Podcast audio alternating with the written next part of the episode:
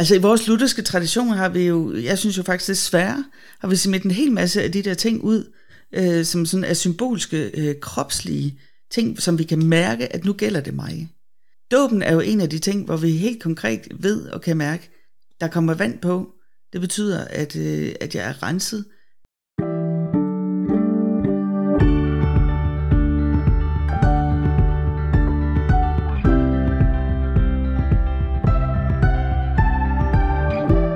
Velkommen til Bible Break, en podcast fra Bibellæseringen. Jeg hedder Nikolaj. I dag sidder jeg over for Vibeke Sode Hjort. Velkommen til. Du er leder og redaktør af adamogeva.dk.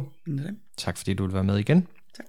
Vi er nået til 1. Samuels bog, kapitel 16, vers 1-13, og jeg vil starte med at læse teksten. Herren sagde til Samuel, Hvor længe vil du sørge over Saul, når jeg har forkastet ham som konge over Israel?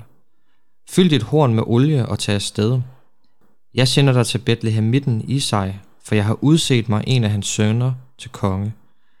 Samuel svarede, hvordan skulle jeg kunne gå derhen? Når Saul hørte, slår han mig ihjel. Men Herren sagde, tag en kvige med dig og sig, at du kommer for at bringe Herren et slagtoffer.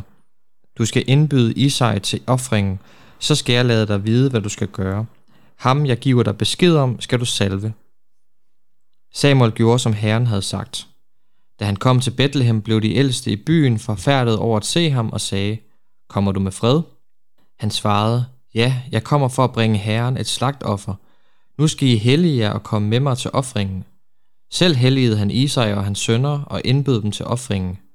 Da de kom, og han så Eliab, tænkte han, her står Herren salvet foran Herren. Men Herren sagde til Samuel, Se ikke på hans udseende og højde, ham forkaster jeg, for det drejer sig ikke om det, mennesker ser på. Mennesker ser på det, de har for deres øjne, men Herren ser på hjertet. Så kaldte Isai på Abinab og førte ham frem for Samuel.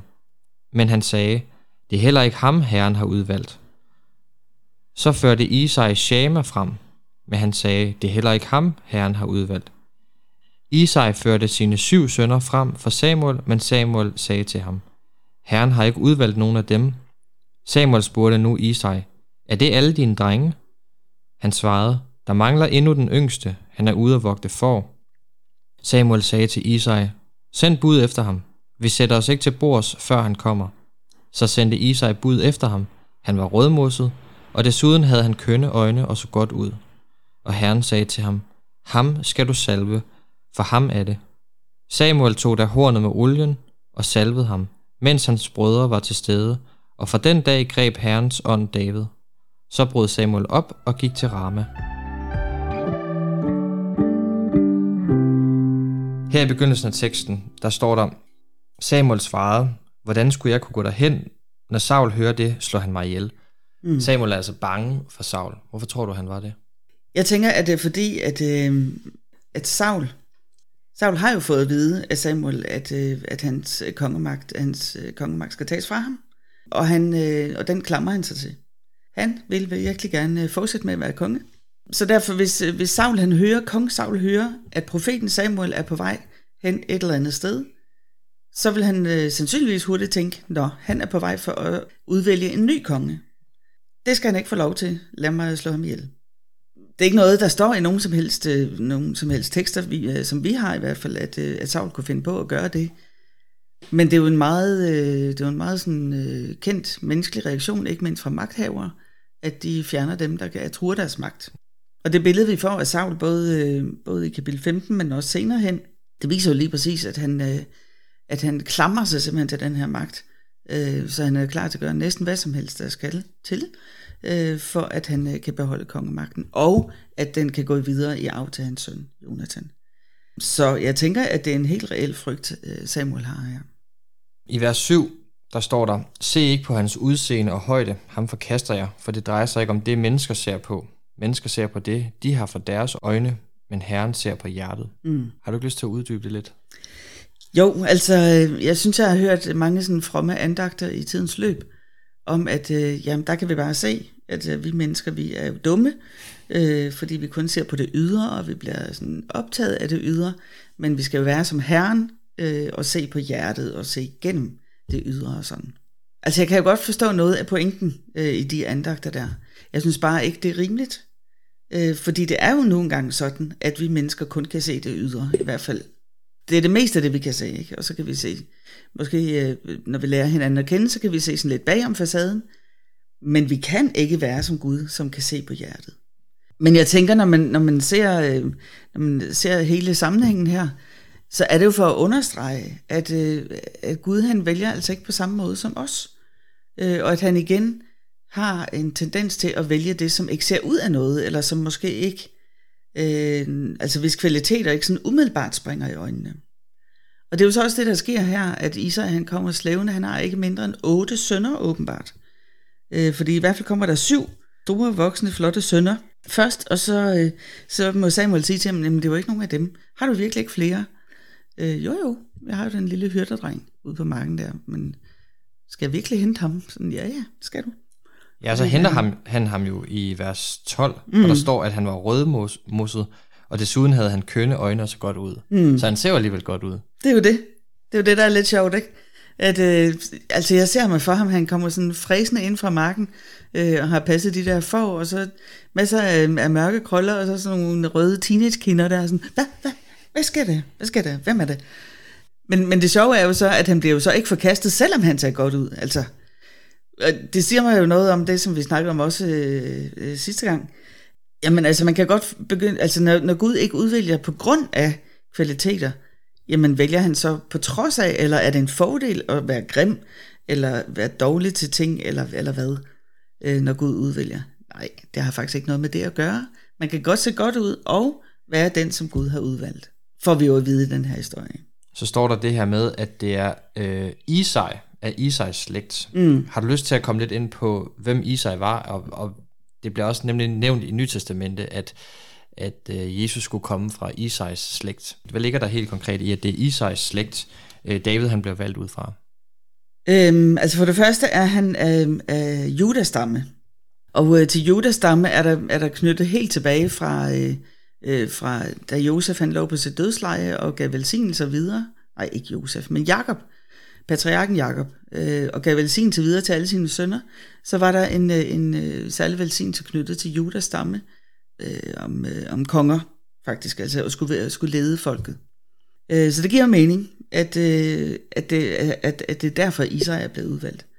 Siden han står der jo i, øh, i Esajas 11 om, at der skyder en kvist af Isais stup, som vi læser, altså når vi læser El kapitel 11 i Esajas bog, så vi, at det er en profeti om Messias, øh, og den tid, der skal komme med Messias. Så ja, i hvert fald når vi ser tilbage, kan vi jo se, at det, at David blev udvalgt, eller fra Isais slægt, jamen det var, øh, det var sådan begyndelsen på den konkrete slægt, der skulle blive, eller, eller hvor Jesus, øh, Messias, skulle fødes. Det er et tydeligt led i frelseshistorien, vi ser her ja, ja. udspille sig. Der kan man jo selvfølgelig godt så, hvis man har lyst, begynde at gå ind og spekulere i, jamen altså, hvad, hvor, var det så en helt øh, stor, kæmpe fejl, at Saul blev konge, fordi han var jo ikke Judas slægt, han var Benjamins stamme. Så altså, hvad havde Gud lige i gang i der? Øh, valgte han forkert, eller vidste han ikke noget? Eller, og det kan man jo spekulere i, indtil Jesus kommer igen, øh, uden at vi får et præcist svar på det.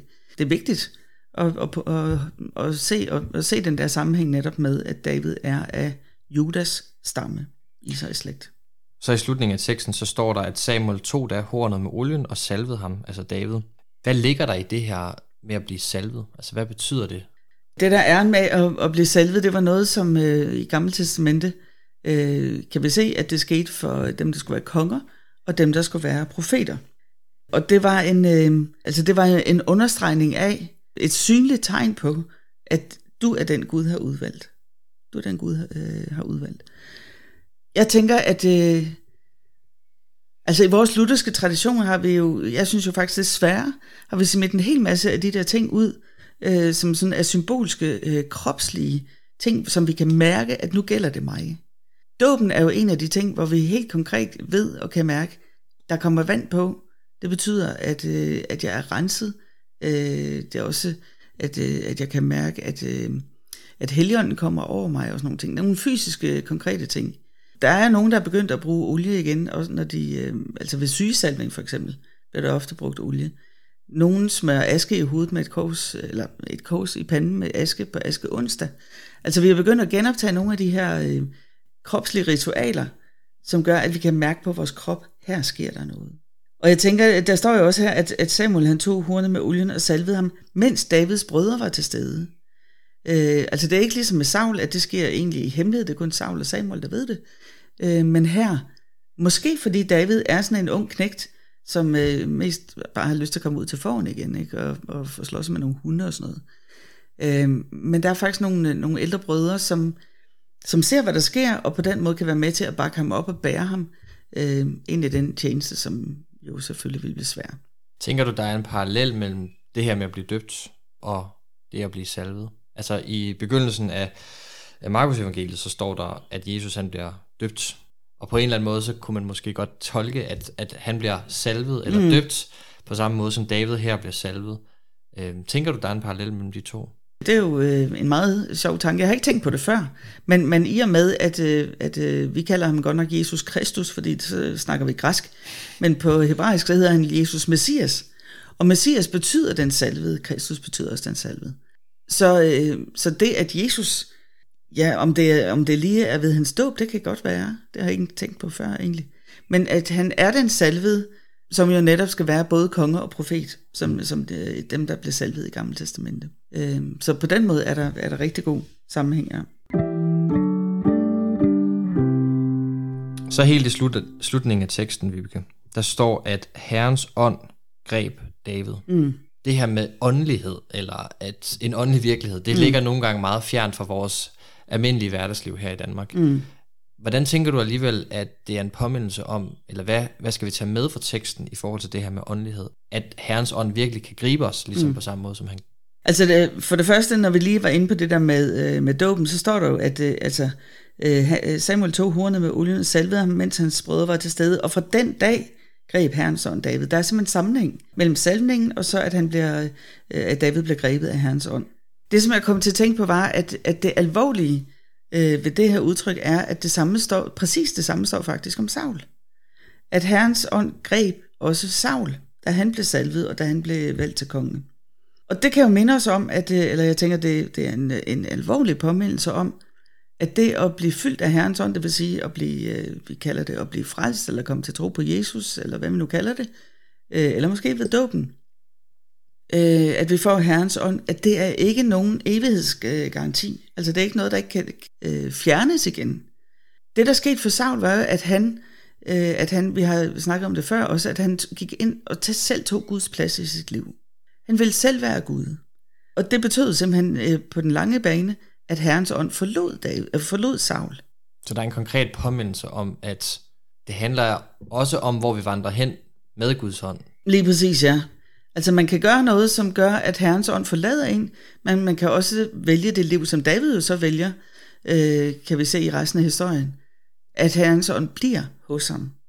Det betyder ikke, at han er syndfri. I kan bare øh, læse øh, resten af Samuelsbøgerne og nogle af Davids salmer, som er nogle af de mest stærke syndsbekendelser, vi overhovedet har i hele øh, Gamle Testamentet. Ikke? Så han var bestemt ikke syndfri, selvom han havde Herrens ånd. Men forskellen mellem Saul og David, det er, at Saul han går sin egen vej og vælger sin egen, det han selv vil, frem for det, som Gud vil. Og David, hver gang han gør noget, som ikke er ifølge Guds vej, så går han til bekendelse. Så det er forskellen på de to. Øh, og, og det er jo så dem, som vi kan spejle os i og sige, hvem vil jeg helst ligne? Jeg synes, vi skal slutte på det. Tak fordi du lyttede med til den her episode af Bible Break. Vi lyttes ved i næste episode.